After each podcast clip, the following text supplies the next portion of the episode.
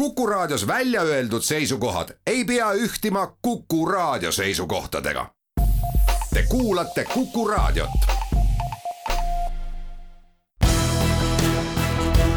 olukorrast ajakirjanduses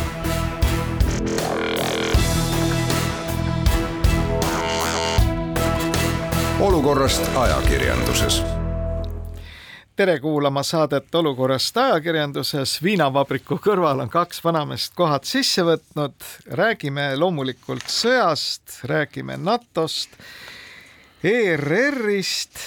ja võib-olla veel millestki, aga hakkame siis selle kõige olulisemaga peale mis meid mõlemaid on kõvasti nagu motiveerinud, aga ka ärritanud, on siis seda, et Vene sõjalaev läks sinna, kus on X, Y ja tagurpidi N ja kõik, mis selle tulemusena tekkis. minule meenus muide seoses sellega vana anekdoot eestlastest, kes kuuldes tuumaplahvatusest Moskvas, tõmbasid kiiresti pähe gaasimaski, et varjata oma avalat naeratust ja mis siis nüüd juhtus? nüüd oli niimoodi, et kalanäoga Eesti kõrgemad ohvitserid seletasid, et ei, nojah, et ega see üldiselt suurt pilti ei muu-, pilti nagu ei muuda, olid väga asjalikud, aga väga reserveeritud. aga kui ma lülitasin televiisori CNN-i kanalile, siis sealt paistis mulle kolm avali suure naeratusega Ameerika kindralit kes üksteise võidu tõttasid kinnitama, et see on üks murdepunkt käimasolevas sõjas. mina, kes ma sellel ajal nagu jälgin Vene Telegrami kanaleid ja aeg-ajalt heidan pilguga sellele, mis toimub Vene telekanalitel, et mulle hakkas nagu silma selles mõttes, et see, kuidas venelased ise seda olukorda kirjeldasid ja ja ütleme niimoodi, et rääkides üldiselt kommunikatsioonist televisiooni vahendusel Vene televisioonis, et siis Venemaal räägitakse, et kui pärast selle Venemaa esimese kanali uudistesaadet telekas äkitselt välja lülitada, siis võib tumedal ekraanil korraks näha lambapeegeldust. et kõike seda me nägime tegelikult siis ka eh, selle Moskva äh,, Moskva uppumise järel, et, et, et nalju on loomulikult palju visatud sellel teemal, et, et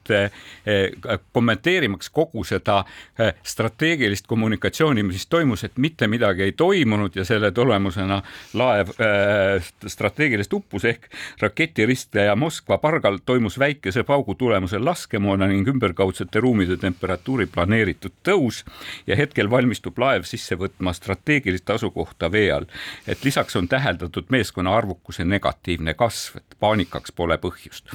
me tahakski natukene võib-olla rääkida sellest Vene sõjakommunikatsioonist, millele me oleme jõudumööda hoidmas silma peal ja mis iga päevaga muutub järjest koomilisemaks et ühtepidi, ühtepidi on see nagu koomiline, teisipidi tegelikult tuli, tuli ka möödunud nädalal tuli ka ütleme, venelased ise on hakanud küsi-, küsimusi esitama, et kui me sellesse sõjapropagandasse nii palju raha paneme, et miks see siis on nii vähe, väikese tulemusena, tulemusega ja, ja Moscow Times kirjutas ka seda, et näiteks tänavu eh, jaanuarist märtsini on riigieelarvest, föderaalsest riigieelarvest, eks ju, massikommunikatsioonivahenditele eraldatud summa kolm korda suurem, kui see oli aasta tagasi. et möödunud aastal viis koma neli miljardit keskmiselt kuus, et sellel aastal seitseteist koma neli miljardit rubla ja no sellest seitsmeteist koma neljast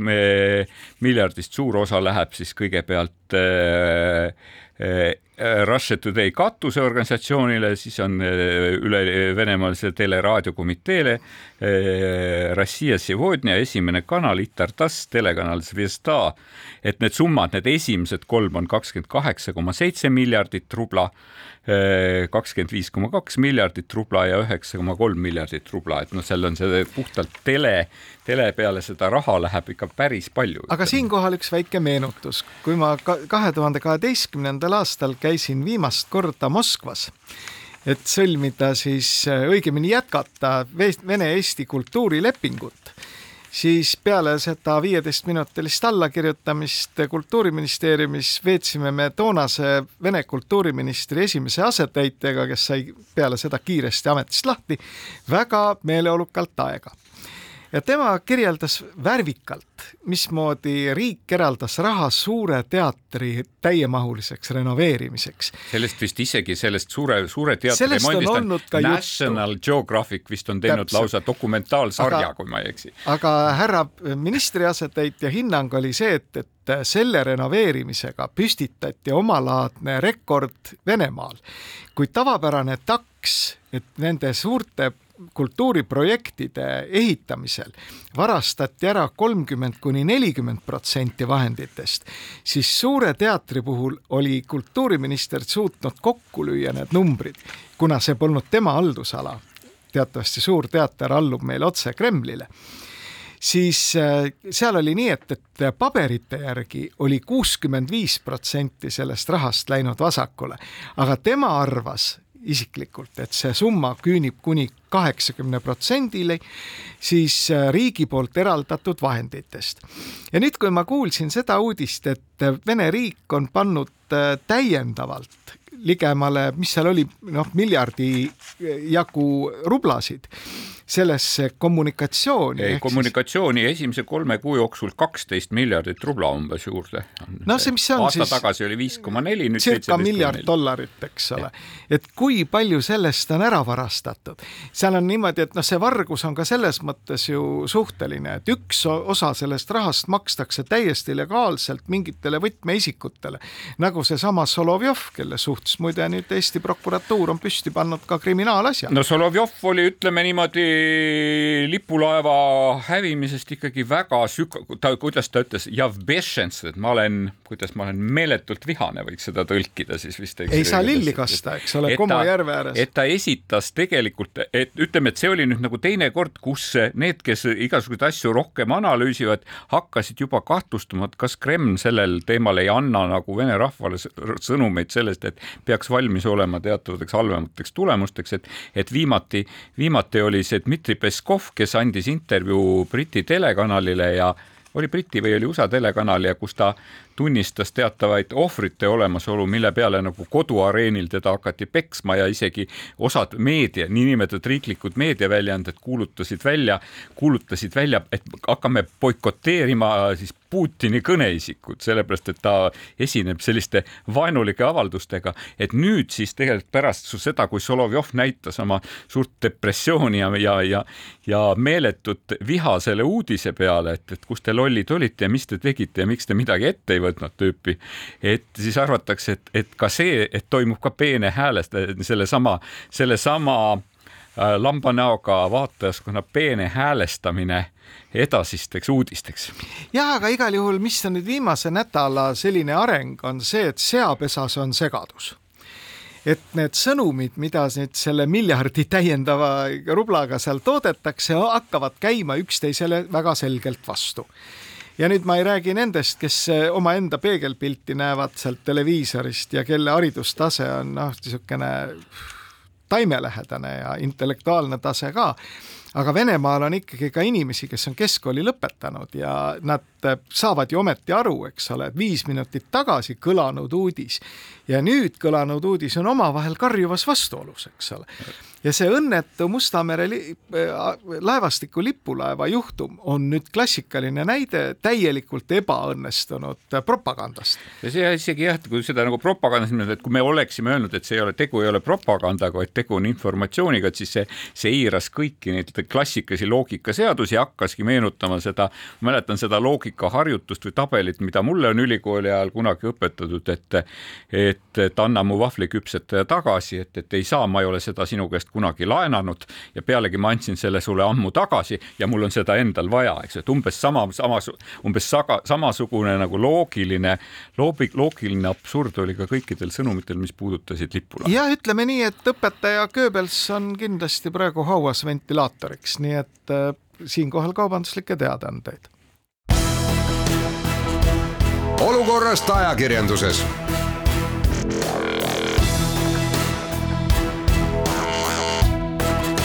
olukorrast ajakirjanduses.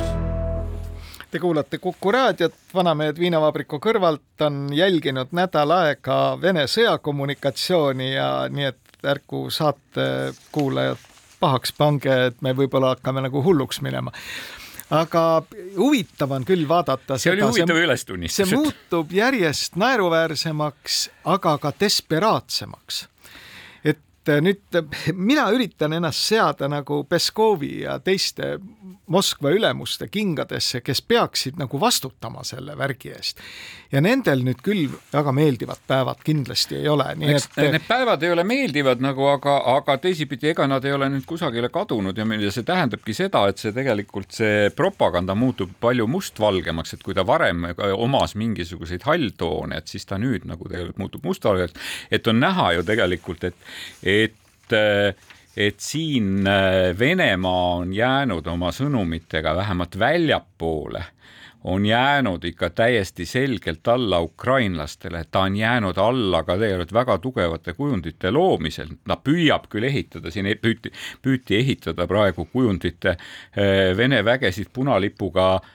tervitama tulnud vanaprouast, eks ju. kärbseseene-pirukatega. et, et ja kõike muud, eks ju, kelle, kelle embleeme nüüd väidetavalt, eks ju, need denatsifitseerijad oma nagu õlaku peal kannavad, aga, aga tegelikult, et kui võrrelda seda siis nagu maailma praegusel hetkel, ma arvan, selle aasta võib selle kümnendi, võib ka öelda selle sajandi tuntuma meemiga sealtsamast äh, Ussi saarelt või, või Madude saarelt, eks ju, tähendab, mis nüüd ka tõeks osutus, mis postmargi kuskile sai ja mille, millele järgnev turunduskampaania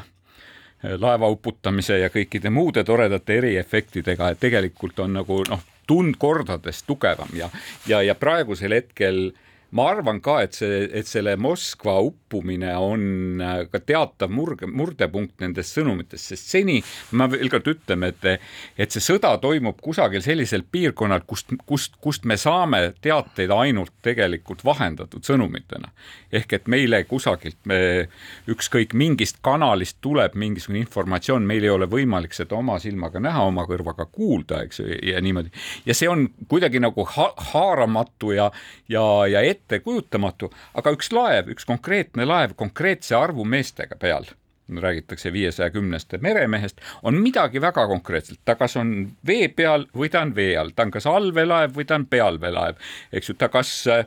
ujub ja seal peal on Musta mere laevastiku staap, eks ju, või ta on vee all ja seal ei ole Musta mere laevastiku staapi enam niimoodi, väga konkreetselt mehed saada üles lugeda. ja nüüd on nagu see, et kui öeldakse, kui ühelt poolt saabuvad sõnumid, et see laev on, on täiskäigul teel Sevastopoli poole, et kus teda nüüd hakatakse parandama ja tal pole viga midagi, järgmisel hetkel seda laeva ette näidata ei ole. kui öeldakse, et kogu meeskond on pääsenud, nagu TASS kõigepealt teatas, ja siis mõne aja pärast, et meeskond on pääsenud, sest kogu oli juba ära võetud, eks ju niimoodi. ja et, et, et pärast seda muutub nagu keeruliseks, muutub ka kohalik publik, muutub ka kodumaine publik pisut rahutu, aga mis sai meestest? tükk aega mehi ei näidatud, siis näidati mingisugust rivistust, ebamäärast videot rivistusest kus hääl selle koha peal, kus raporteeriti, kui palju mehi on rivis, kui palju on hukkunud, kui palju on haiglas või, või midagi, et hääl oli ära võetud, eks ju. noh, targad inimesed on, lugesid ükshaaval mehed kokku, ei saanud kuidagi seda viitsadat kümmet kuni ma ei tea, ka suuremat sellest, eh, mida arvestada. ja nüüd on tegelikult ka kodumaisel publikul väga palju küsimusi ja nendele küsimustele tuleb anda vastuseid, aga väga keeruline on anda nendele küsimustele konkreetseid vastuseid. kuskilt hakkavad ilmuma mingisugused kummalised videod sellest põlevast laevast e, koos häälega on see muidugi muljetavaldav no, vaatepilt, sest sealt, et seal jah, see X, Y ja tagurpidi N on põhiline sõna, mida, mida eetrist kostab aga ikkagi jah, see, et ma arvan küll, et see, see segadus on, läheb praegusel juhul tegelikult venelastele iseenesest nagu selle sõja seisukohast ikka üsna kalliks maksma.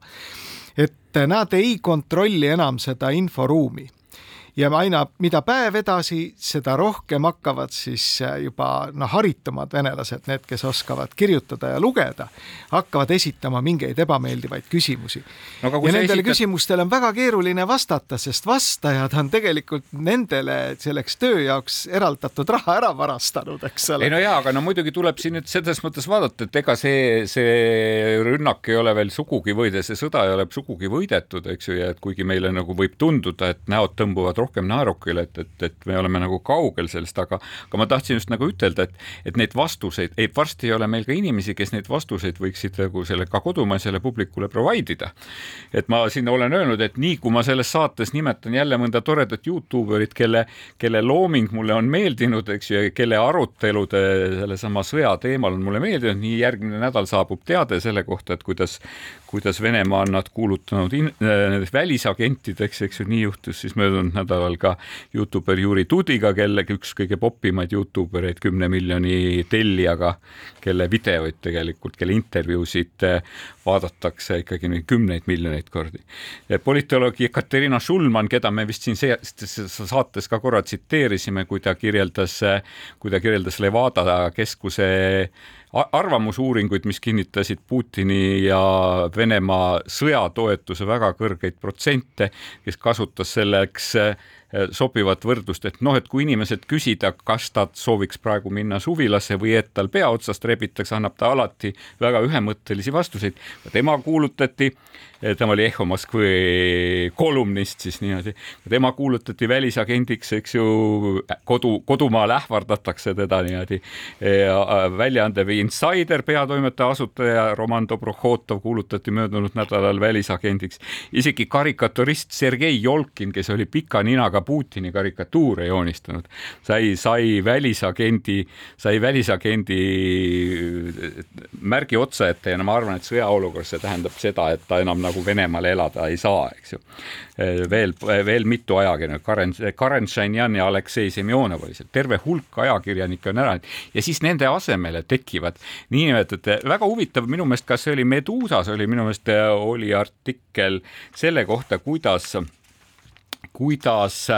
kuidas siis tekivad asemele väljaanded, et kuidas oli Smolenskis väike, just nagu tühine väljaanne, mille nimi oli mingi Rea-, Readovka või mingisugune niisugune asi ja kuidas siis seda Kremli bottide abil hakati nagu, kuidas täiesti normaalsest, ühtepidi sõjakriitilisest väljaandest, mida see Venemaa meedia järelevalveorgan isegi kaks korda üritas kinni panna, kuidas äkki see väljaanne tegi kannapöörde ja hakkas sõda õhutama. Ja kuidas äkitselt, eks ju, väikese tellijaskonnaga väljaasendel oli internetis miljon tellijat, eks ju, niimoodi, kuidas, kuidas kogu Kremli propagandaorganisatsioon rakendati sinna taha selleks, et selleks, et just nagu luua uus usaldusväärne meediakanal ja rääkida vabast ajakirjandusest. no meie nagu kuulajad on juba aru saanud, oleme nagu muutunud kogu selle värgi suht suhteliselt küüniliseks ja, ja viskame selle üle nalja ameeriklased on valmis saanud äh, väga tähelepanuväärse dokumentaalfilmiga Putini tee sõjani, mis oli Soome televisioonis siis ülekanalil eetris juba reedel ja eile seda ka korrati see on eetris täna õhtus, õhtuses äh, dokumentaalfilmi programmis ERR-is, Rahvusringhäälingu ETV kanalil peale Välisilma väga soovitame kõigil vaadata. suurepärane materjal aga nüüd see on hoopis teises võtmes kui see, mida meie siin praegu räägime. tegelikult ameeriklased suhtuvad sellesse olukorda, mis on praegu tekkinud, kaasa arvatud siis see eh, informatiivne kollaps, väga suure murega, ehk nad esitavad tegelikult selle eh, kõige tähtsama küsimuse, et kui nüüd Putin on aetud nurka mida ta siis järgmiseks teeb, et kas tõesti haarab siis Venemaa viimases hädas tuumarelvade järele ja toob kaasa nagu lõputu hävingu? Ja nüüd Ameerika, selles filmis ameeriklased kommenteerivad seda kõikvõimalikel tasanditel, seal on äh, nii kõrged riigiametnikud kui ka poliitikud ja kõigil on selles suhtes äärmiselt suur mure nüüd, kui mina seda vaatasin, siis mul alati äh, tekib sellisel juhul selline huvitav dissonants, et äh, ameeriklased üritavad seda Kremlis toimuvat siiski vaadata läbi enda kuidagi arusaamade, et see allub mingisugusele ratsionaalsele loogikale see ei pruugi nii olla, see, et Moskvas täna käib juba mingisugune tohutu mõõduvõtmine erinevate institutsioonide, erinevate luureteenistuste ja erinevate polkovnikute vahel, see paistab tegelikult isegi sellest ametlikust Vene propagandast välja. no arvata võib, et see tegelikult ka see tuumasõjaga ähvardamine, isegi, isegi Soome ja Rootsi nagu tuuma heidutamine, eks ju, seoses nende plaaniga NATO-sse astuda, eks ju, et seda võib ka pidada üheks nagu kommunikatsioonivahendiks või nagu kommunikatsioonivõtteks sõjavõtteks, et see on see psühholoogilise sõja võte, et mõjutada, mõjutada teatas mõttes kohalikku avalikku arvamust, et nüüd asjad lähevad keerulisemaks ega me võimegi siinkohal arvatakse, et ega see väga efektiivne praegusel ei, aga me võime ka eksida, ega me peame jätma ka enda jaoks ikkagi selle küsimärgi püsti, et kui meie arvame täna jah, siin Eestis, et tegemist on sellise üsna tüüpilise noh, väljapressimistaktikaga, eks ole, et küll need läänlased lõpuks järgi annavad, küll nad endal püksid täis lasevad. Aga see võib olla ka tegelikult petlik, et ega me väga paljud analüütikud ju ei uskunud ka seda, et kahekümne neljandal veebruaril venelased reaalselt üle piiri tulevad oma no, aga teisipidi, teisipidi, kui ma nagu vaatan seda, et millest räägivad Vene kanalid möödunud nädalalgi tegelikult, et siis nagu nädala lõpus ja eriti pärast Moskva langemist mõtelge, kui hea, et jutumärgid on eesti keelest ära korjatud, võib ka ilma kasutada, eks muutuvad laused palju kahemõtteliseks. et pärast Moskva langemist on see jutt ikkagi nagu ka muutunud, et kui varem räägiti ikkagi seda, et me sõidame kahe päevaga Kiievisse ja ja kukutame natsistliku, natsistliku, fašistliku, ma ei tea, mis režiimi, eks ju, siis nüüd on hakatud, ega me ei sõdigi Ukrainaga, nüüd on hakatud rääkima, me sõdime juba NATO-ga, eks ju. mis nagu ongi, et nagu, et, et valmistutakse, et siin on nagu kaks varianti, et kas me nagu soojendame pinnast, eks ju, nagu lai, konflikti laiendamisele või me otsime õigustusi sellele, miks me peksa saame, eks aga siinkohal mõned kaubanduslikud teadaanded. olukorrast ajakirjanduses.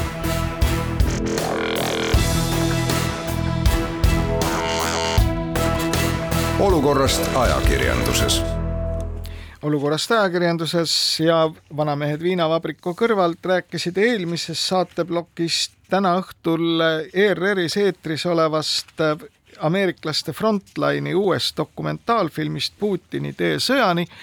mida me väga soovitame vaadata. Ja seal on nüüd tõesti see moment, et ameeriklased on täna väga mures. Ja mures sellepärast, et nurk nurka aetud diktaator võib viimases hädas haarata ka massihävitusrelvade järele. ja tuletame siinkohal raadiokuulajatele meelde, et Ameerika luure oli oma hinnangutes ju väga täpne, eks ole, ta teatas tervele maailmale otse, et sõda tuleb venelased ründavad ja kuni viimase momendini väga paljud seda ei uskunud. no täpselt samamoodi tegelikult needsamad Ameerika analüütikud koos kodumaisete, kodumaiste tugitooli analüütikutega on juba pikka aega rääkinud sellest, et Putinile on omane ikkagi nagu soov igavest elu säilitada, et selleks ta kümblebki marali veres, et, et elada võimalikult kaua, mis tähendab seda, mis nagu annab märku sellest, et, et hukkuda radioaktiivse tuha pilves, eks ju, nagu, nagu mõned eh, Vene propagandistid on märkinud, ei ole nagu päris tema soov, et, et kui nüüd, kui nüüd nagu rääkida seda, et, et, et venelased on tegelikult oma nagu äh, taktikas kasutusele võtnud ka need niinimetatud väikesed tuumarelvad, eks ju, et siis, et siis mis kasu nendest nagu praegusel hetkel võiks olla, et, et kas see, kas see, kas see väikese taktikalise tuumarelvaga ähvardamine või ka väikese taktikalise tuumarelvaga ründamine praegusel hetkel, et kas see nagu ukrainlasi heidutaks pärast kõiki neid koledusi, mis, mida, mida me oleme näinud ja mida ukrainlased on muidugi veel palju-palju detailsemalt näinud ja mitte üksnes näinud, vaid ka kogenud. et esiteks, et kas see on, et kas see on, kui ma siin võin tsiteerida Rainer Saksa, siis noh, tema ütles, et noh, pärast seda saaks Ukraina küll ikkagi et kõik maailma koledad relvad saaks endale millega aga Moskva peale minna, eks ju, ja mitte ainult laevaga, laeva nime, Moskva nime kandva laeva poole minna, eks ju. ja teiseks, et, et, et see oleks nagu see koht, et kust enam tagasi tulla ei saa. no ei tea, et ega siis kui Kremlis on mõned analüütikud aru saanud, et tegelikult kõik ka need rahad, mis olid mõeldud Vene sõjamasina toimimiseks, on ära virutatud ja selle eest ostetud hoopiski mingeid kaatreid, mis nüüd on näiteks äh, karab, Itaalia karabineeride valduses. selles mõttes, et see oli küll, et ma pean ütlema, et kommunikatsioon, et Vene kommunikatsioonil on väga raske võidelda infograafikuga, kus on näidatud, et kui palju on viimase kahekümne aasta jooksul Venemaa laevastik saanud juurde uusi sõjalaevu ja kui palju on selleks raha kulutatud niimoodi ja kui palju on samal ajal Venemaa oligarhid ehitanud seda alternatiivset laevastikku, mis on tegelikult, mille parimad eksemplarid on samamoodi ju tegelikult äh, tõrjesüsteemidega varustatud, meil on, meil on ju pikki lugusid olnud Abramovitši kaatarid ka, nende jahtide imeomadustest, eks ju niimoodi, et siis see on muidugi jah, näide kohe väga eredalt. ei maksa unustada, et Vene narratiivis on alati bojaarid süüdi ja kui... ka bojaaridele, bojaaridele, kes olid pandud rahva ja selle jumalalt võimu saanud tsaari vahel, et neil oli, mäletad, kaks reeglit oli neile kehtestatud, eks ju, tähendab niimoodi, et eh, võib, neile on antud küll, jumalalt võimu saanud tsaar on, neile on antud õiguse varastada, aga kaks reeglit oli, et varastada ei tohi endast ülematelt ja endasugustelt ja teine, et varastada ei tohi liiga palju no vot, mis on liiga palju, sellele küsimusele on praegu raske aga, vastata. oota me..., oota üks moment tähendab, veel ükskord kordame seda, et täna õhtul siis vaadake kõik Frontline'i viimast dokumentaalfilmi Putini tee sõjani. ja teine teema, mis me oleme kokku leppinud, et me ikkagi selles saates ka üritame rääkida, on see natukene erinev suhtumine sellesse võimalikku konflikti eskaleerumisse kuni massihävitusrelvadeni välja et me oleme natuke vaadanud ka seda, mismoodi täna näiteks, mis on see meeleolu Leedus ja Poolas ja seal on ta tegelikult märksa murelikum kui Eestis. Eestis on ikkagi täna valitseb vaikus ja rahu, aeg-ajalt küll keegi kirjutab, et meil on kehvasti lood selle kodanikukaitsega ja varjunde, varjendeid puudub ja keegi on andnud kellelegi mingi korralduse, et need tuleb kaardistada, aga üldiselt on vaikus majas. selles mõttes on vaikus majas ja, ja ütlen tõepoolest, et, et ajakirjandusel on siinkohal ikkagi väga tellimus, sellepärast et hea tuttav, kellega juhtusin äh, jalutama, ütles, et miks ta peab New York Timesist lugema pikka põhjalikku lugu selle kohta, kuidas Leedu valmistub tegelikult sõjaks, kuidas Leedus kodanikukaitseprogrammide raames sisuliselt on võetud vastu otsus, et võimalikult paljudele inimestele õpetatakse esmaabi andmist. kuidas, et võimalikult paljudele inimestele, eks ju, korraldatakse nende, nende hädavarude ole, olemasolu, kuidas suure programmiga tegelikult praegu korraldatakse varjendite eh, valmisolekut, lisandumist, korraldamist, mida kõike veel, kuidas inimesi õpetatakse praegu sellesama Ukraina sõja näitel olema valmis. et ma pean ütlema, et meil korraks see varjendite teema käis läbi ajakirjandust ühe, ükskord, et noh, et meil ei ole, aga ega väga vaja ka ei ole, et need äh, kaubanduskeskuste maa-alused parklad võib-olla nagu kõlbavad, eks ju, võib-olla nad kõlbavad ka millekski muuks, eks ju, aga noh, ega vaadake, igaüks vaatab ise, kuhu poole jookseb. et siin on nagu minu meelest on riigil suur osa teha, siin on Rahvusringhäälingul väga suur osa teha ja siin on tegelikult ajakirjandusel väga suur roll mängida. aga no ega ei, mingil juhul ei, ei taha nüüd sellega öelda seda, et peaks hakkama mingit paanikat tekitama. paanikat et... ei, paanikat ei peagi, paanika tekib siis, kui me ei ole valmis, eks ju, paanika tekib siis, kui me ei tea, mida teha. kui me teame, mida teha, siis tavaliselt paanikat ei teki no teine teema, mida me lubasime kindlasti käsitleda, on siis Soome ja Rootsi võimalik liitumine NATO-ga ja venelaste ähvardused nende riikide aadressil.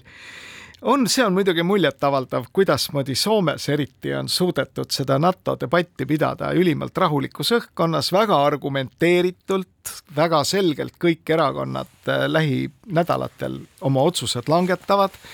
praegu käib parlamentaarne debatt selles osas. no Sama... Jens Stoltenberg ikkagi äh, kõikidel maailma karikatuuridel annab äh, Vladimir Putinile NATO aasta parima värbaja auvimpli üle, seda ma olen ka näinud. no ütleme, meil siin on äh, muidugi lõbus vaadata kõike seda, aga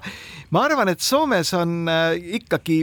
inimesed jala, jalgadega maa peal. inimesed on jalgadega maa peal, eks inimesed nagu vaatasid ka, et, et, et selle ja, ja ka Vene Vene propaganda ju alustas kohe nii, kui Soome teatas, et, et, et et, et see NATO küsimus on ikkagi väga tõsiselt laua peal, nii hakkasid Iskanderid sõitma piiri, piiri ääres, eks ju, niimoodi edasi-tagasi, edasi-tagasi. aga sellele kohe soomlased oskasid vastata. see oli nii armas, sellepärast et see, kuidas soomlased trollisid ära, kuidas soomlased selle peale rivistasid üles oma traktorid, eks ju, ja Põhja-Soomes, eks ju, piiri, piiriäärsetel aladel tegid traktoritega demonstratsiooni, näidates, et nad on Iskanderide tulekuks valmis, oli tõeliselt südantsoojendav Soome kaitsepolitsei alles hiljuti väga otsese tekstiga ütles, et Soome rahvas peab olema valmis kõikvõimalikeks ebameeldivusteks, mida venelased väga suure tõenäosusega korraldavad, üritades siis mõjutada seda NATO debatti endale soovitavas suunas.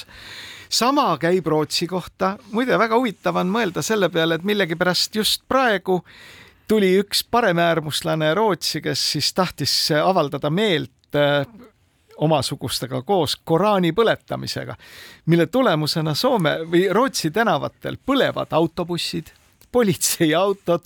möll lõbus kevadine kakelung, eks ole, et noh, oli seda nüüd siis vaja, ütleb no me arvan, ma arvan, et ka Valgevene piirilt ei ole kadunud kõik need pagulased, eks ju. oi, kaugeltki mitte, nii et Valgevene piirilt pole kadunud pagulased ja Vene seesama propaganda, ma tahtsin nagu tuua eduka näite, mis mul nagu möödunud nädalast ja silma, et kui sa mäletad, et neljakümnendal aastal ilmus Eestisse kuulus Vene-Eesti sõjaline vestlussõnastik, et üks mõni nädal enne, enne Eesti hõivamist, eks ju, see vägede poolt, et siis, et kus õpetati Vene punaarmeelastele toredaid sõnu, et kas rohkem ei olegi ja et kus teil liha on ja kus teil toitu saab ja heida maha, kui kära teed tapan ja ja, ja, ja kuidas käivad ülemad südru, sõduritega ümber ja ega kaev mürgitatud ei ole. et siis nüüd on Vene nüüd on Vene propaganda paisanud siis nagu just välismaale suunatud kanalitesse, on pannud kümme fraasi, et mida on praegust Ukraina põgenikel nagu on väga oluline teada e, Euroopas, et, et ma olen ukrainlane, et, et millised hüved on mulle ette nähtud, mida te sellega, mis, kas, kas ma tõesti pean peldikut ise, ise puhastama ja siin on minu Ukraina pass, et ma tean, et sõit on nüüd tasuta. kas te viiksite mind Pariisi ekskursioonile, et, et ei jäeta kasutamata ühtegi varianti, nagu sa näed, selleks, et, et ma arvan, et seesama põgenike teema eskaleerimine Euroopas, eks ju, on äh, ka pagulaste teema eskaleerimine Euroopas praeguste olukordade taustal, et see on üks osa sellest mõjutustegevusest tegelikult. aga mis sa arvad, et vaata, keegi on ju tootnud sellise vestlussõnastiku, eks ole, ja keegi on selle kuskil kokku pannud. kas see inimene, kes on need küsimused välja mõelnud, ka ise siiralt usub sellesse või ta viskab valimatult intellektuaalset nalja. ta on võib-olla ikkagi, talle on ikkagi nalja visatud, aga, aga noh, ma ütlen, et minu meelest möödunud nädalal, et kui me nagu veel kord tuleme tagasi selle Mosk-, Moskva juurde, mis põhja läks, eks ju, et siis, siis Russia Today peatoimetaja Margarita Simonjan kuulus propagandist sellest samast Solovjovi-Šeuski, eks ju, et temagi kippus nagu nalja viskama alguses selle sõjalaeva põhja mineku üle, aga, aga palju nagu põhimõttelisema avaldusega tuli ta lagedale siis, kui ta ütles, et tegelikult Venemaal on vaja et Venemaal on vaja sellist tsensuuri nagu Hiinas on. Te näete, et kuidas Hiinas on kord majas, eks ju, kõigil on suu kinni pandud, eks ju niimoodi ja ütleb, et suur riik ei saa ilma tsensuurita kuidagi läbi, et, et ka Venemaa, et mäletad, et Venemaal on olnud kaks äh, perioodi ajaloos üldse, kus tsensuuri pole nagu oluliselt olnud, tuhat üheksasada viis kuni tuhat üheksasada seitseteist. Te nägite, äh, mis selle tulemusel oli ja teine oli siis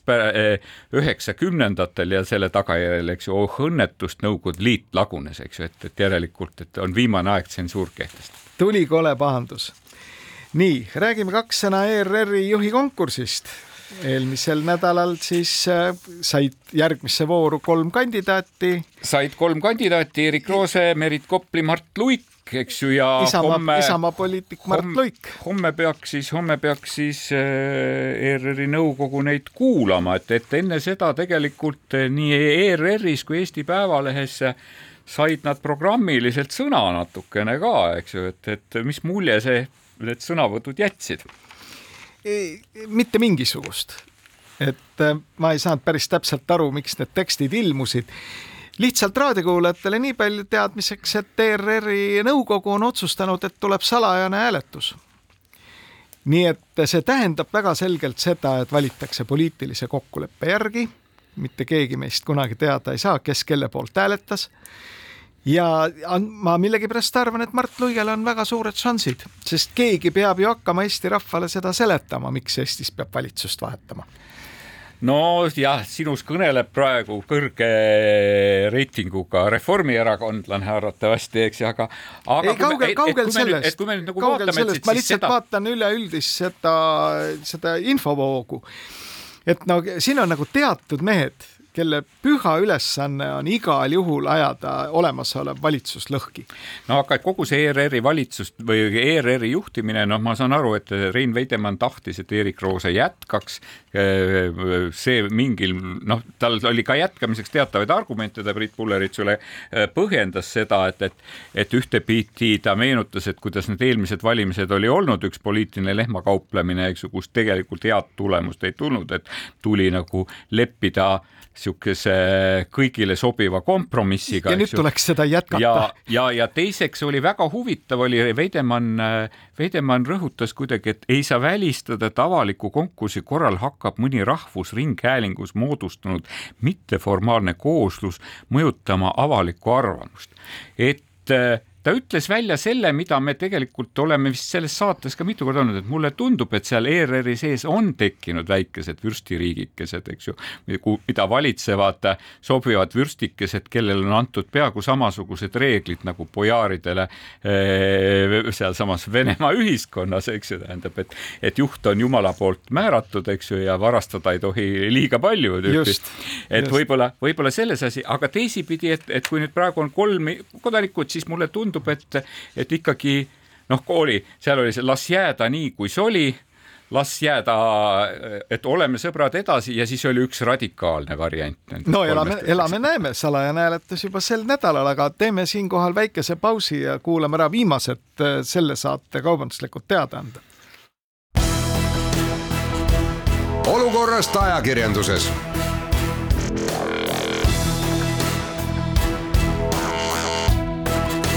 olukorrast ajakirjanduses. olukorrast ajakirjanduses viimane veerand ja räägime natukene tormist veeklaasis ehk äh, meie armas sõber Mart Helme tegi seda taas ehk äh, võttis kõvasti sõna ja terve Eesti ajakirjandus üksmeelselt tormas seda võimendama ja see nagu mind haaras täielik ahastus, sest et ma tean, kujutan vähemalt ette, et ma tean väga täpselt, miks Mart seda tegi et see ei olnud ju mõeldud äh, sellele Eesti auditooriumile, rääkimata sellest Riigikogust, kelle poole ta pöördus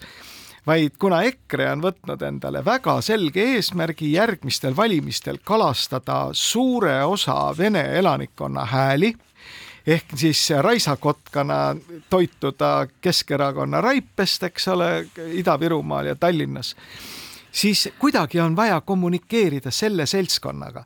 ja see tekst, mis Mardi suust tuli, me ei hakka seda siinkohal kordama, oli nagu täpselt see, mida on vaja edastada sellele seltskonnale. Ja ega need, need äh, kommunikatsioonikanalid EKRE-l jõuda selle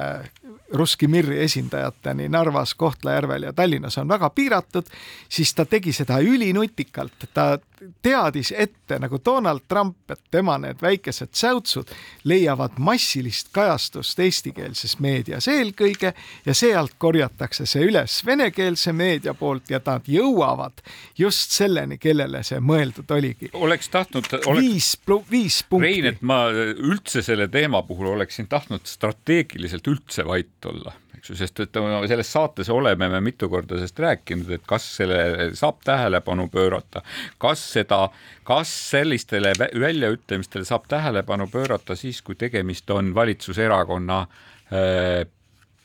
kõrge ministriga, siseministriga midagi. Ja kas sellele peaks samavõrd tähelepanu pöörama siis, kui tegu on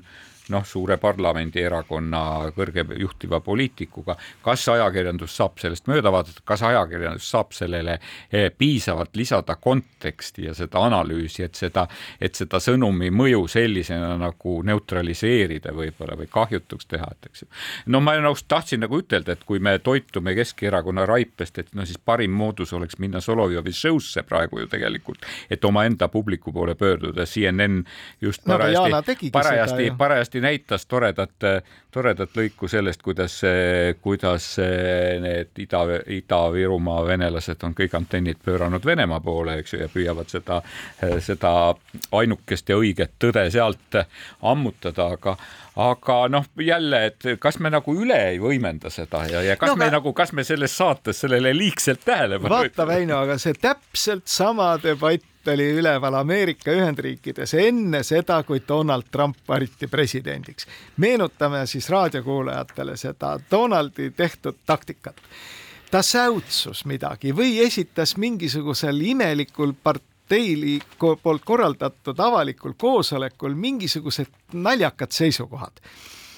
ja terve Ameerika ajakirjandus kukkus nende üle järama. ehk tal ei olnud vaja teha ka kulutusi reklaamile, sellepärast et need üksikud säutsud ja üksikud sõna, sõnavõtud, need täitsid kogu inforuumi ja Trump valiti presidendiks. just otsin, et kus mul, kus mul võiks küll olla need kus mul võiksid olla küll need EKRE slaidid esimese hooga ei jõudnud, eks ju niimoodi, ei jõudnud. siinkohal raadiopilti ei näita, aga Väino, Väino on kaevunud kausta. Väino on kaevunud kausta, eks ju, tähendab, et kus selle, aga noh, ma arvan, et enamikus meie äh, mõtlevate kuulajate kusagil ka, faili kaustades on need slaidid olemas, et kuidas EKRE tõusis oma kommunikatsioonitööga äh, poliitilise orbiidile, kuidas ta seal püsida võib. ühel hetkel mulle nagu muidugi tundub, et lõpmatuseni sama samade trükkidega mängida ei saa, et eks ju, ja, ja praegusel hetkel, et mulle tundus, et ajastus oli natukene halb, eks ju. võib-olla see oli hästi suunatud oma sellele eh, niinimetatud sellised potentsiaalsele raipevalijale või kuidas sa seal seda nimetasid, eks ju niimoodi. lambasööjale. aga mul on tunne, et see kahju, mis nagu võis tekkida sellest nagu ülejäänud valijate seas ja ka nende valijate seas, keda sa pead oma põhivalijateks, võis see olla võib-olla ikkagi suurem, et see on nagu väga libedal jääl olemine, mulle tundub. ei tea, ma, ma arvan, et sellele eestikeelsele valijale läks see nagu hane selga vesi, aga eh, mul potent..., ma, ma jälle ei oska öelda, sest mulle nagu tundub, et see nagu ütleme, ukrainlaste ja venelaste vastuolude võimendamine ei ole, ei pruugi olla nagu selle EKRE, EKRE põhivalija nagu unelmate teema. ei tea, ei oska, ei oska nagu nii täpselt Sest seda mulle tundub, arvata. mulle tundub nagu pigem, et, et isegi see ukrainlaste olemasolu siin mingis, mingil määral seda nii-öelda julgeolekuolukorda isegi nagu pisut parandab. aga see, mida nüüd, mismoodi võtab sellise sõnumi vastu see Russki Mirri poolt mõjutatud venekeelne valija, need, kellel on hääl hääleõigus, need, tuletame meelde, et Riigikogu valimistel osalevad ikkagi üksnes Eesti Vabariigi kodanikud, siis seda ma võin küll üheksakümne üheksa protsendise kindlusega öelda, et see on täpselt see tekst, mida nad ootavad ja nii, et see oli veel kord minu arvates väga nutikas käik ja, ja see, et tegelikult see et Trumpi kasutatud taktika, et sa käi välja mingisugune javurdus või mingisugune selline säuts, mis põhjustab tegelikult kelleski raevu. et ja et kõik hakkavad seda kohe võimendama ja seda käsitlema. sellega saadi Ameerikas presidenditool ja mina üldse ei imestaks, kui sellega saavutataks ka suurt edu Eesti järgmise aasta parlamendivalimistel, kui Rein, need muidugi toimuvad. oota üks moment. ma ei ole sinuga nõus. oota üks moment, et siin on üks konks muidugi, et ma arvan, et Mardil oli, kui ta seda teadlikult ei teinud, eks ole, et ta sellega välistas ka mitte ei välistanud, aga ütlen, muutus palju keerulisemaks nende inimeste ülesande, kes üritavad praegu seda eelmist kolmikliitu taastada. isegi Mart Laar täna Postimehes on üsna sarkastiline tegelikult selliste väljaütlemiste suhtes. nii et no ütleme, et Isamaal ja suurel osal Keskerakonnast on ikkagi keeruline täna panna leivad ühte kappi sellise seltskonnaga, kes niimoodi ennast väljendab nii et noh, aga ega EKRE seisukohast häda neil seda nüüd valitsusse minna praegu on, kui just käsku ei anta, et järgmistel valimistel on nende šansid tänu sellele ju suuremad. Rein, ma tahtsin öelda ainult, et selle aja me oleksime võinud Rahvusringhäälingu kirumisele pühendada võib-olla ja seal natukene rääkida ka ETV Plussi rollist selle asja juures ja, aga ma arvatavasti tuleval nädalal me oleme juba palju targemad selles osas, kuidas ERR-i juhtide kuulamine läks. jah, ERR, seda ETV Plussi oleme ka jõudumööda jälginud ja noh, ütleme inglise keeles on hea sõnapaar, nice try. aga soovitan lugeda ERR-i portaalist kandidaatide esseesid ja ka tänasest Eesti Päevalehest, eks ju, nende ühiseid vastuseid päris olulistele küsimustele, mida teha Eesti Lauluga, mida teha Õnne kolmeteistkümnega ja nii edasi ja nii edasi. siinkohal muidugi muidugi oli üks väga tähelepanuväärne sõnavõtt Raivo E. Tammelt, kes ütles, et ta suutis Zelenskõi poolt toodetud ja, ja suureks mängitud äh, teleseriaali Rahva teener vaadata kümme minutit. mina võiks vastata, et mina nii kaua e e Eesti NSV-d, mis on toodetud Raivo E. Tamme osalusel, vaadata ei suuda aga hüva, meie saade on tänaseks läbi ja me mõtlesime tükk aega, et millise muusikapalaga siis kostitada meie kuulajaid. tervitame NATO liitumiskõnelusi. Teil tervitame järgmise looga NATO liitumiskõnelusi ja kõiki rootslasi ja soomlasi, keda siis kõikvõimalikud ebameeldivused lähemal ajal tabavad, aga sellest saab alati üle, kui laulda järgmist laulu. А нет, Молотов, а нет, Молотов, valehtelit enemmän kuin itse Bobrikov.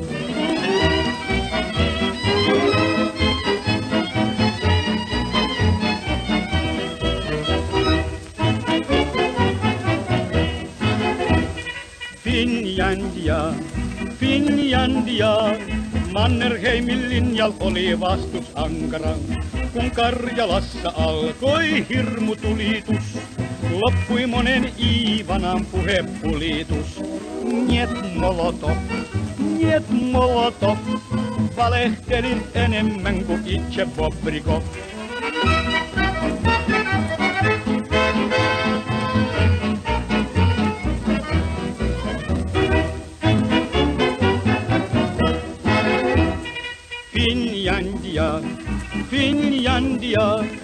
Sitä pelkää voittamaton puna-armeija. Ja Molotovkin sanoi, että katso Chorpas mi. Tjuhna aikoo käydä meitä Kraivelistakin. Ai niet Molotov, niet Molotov. Valehtelit enemmän kuin itse Bobrikov.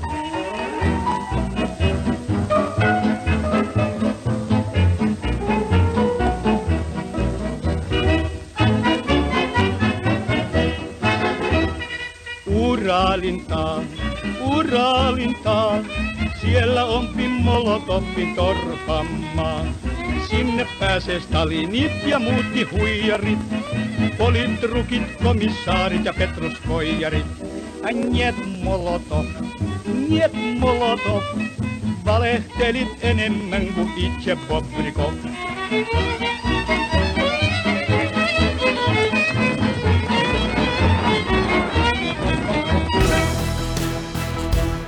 Olukorrast ajakirjanduses.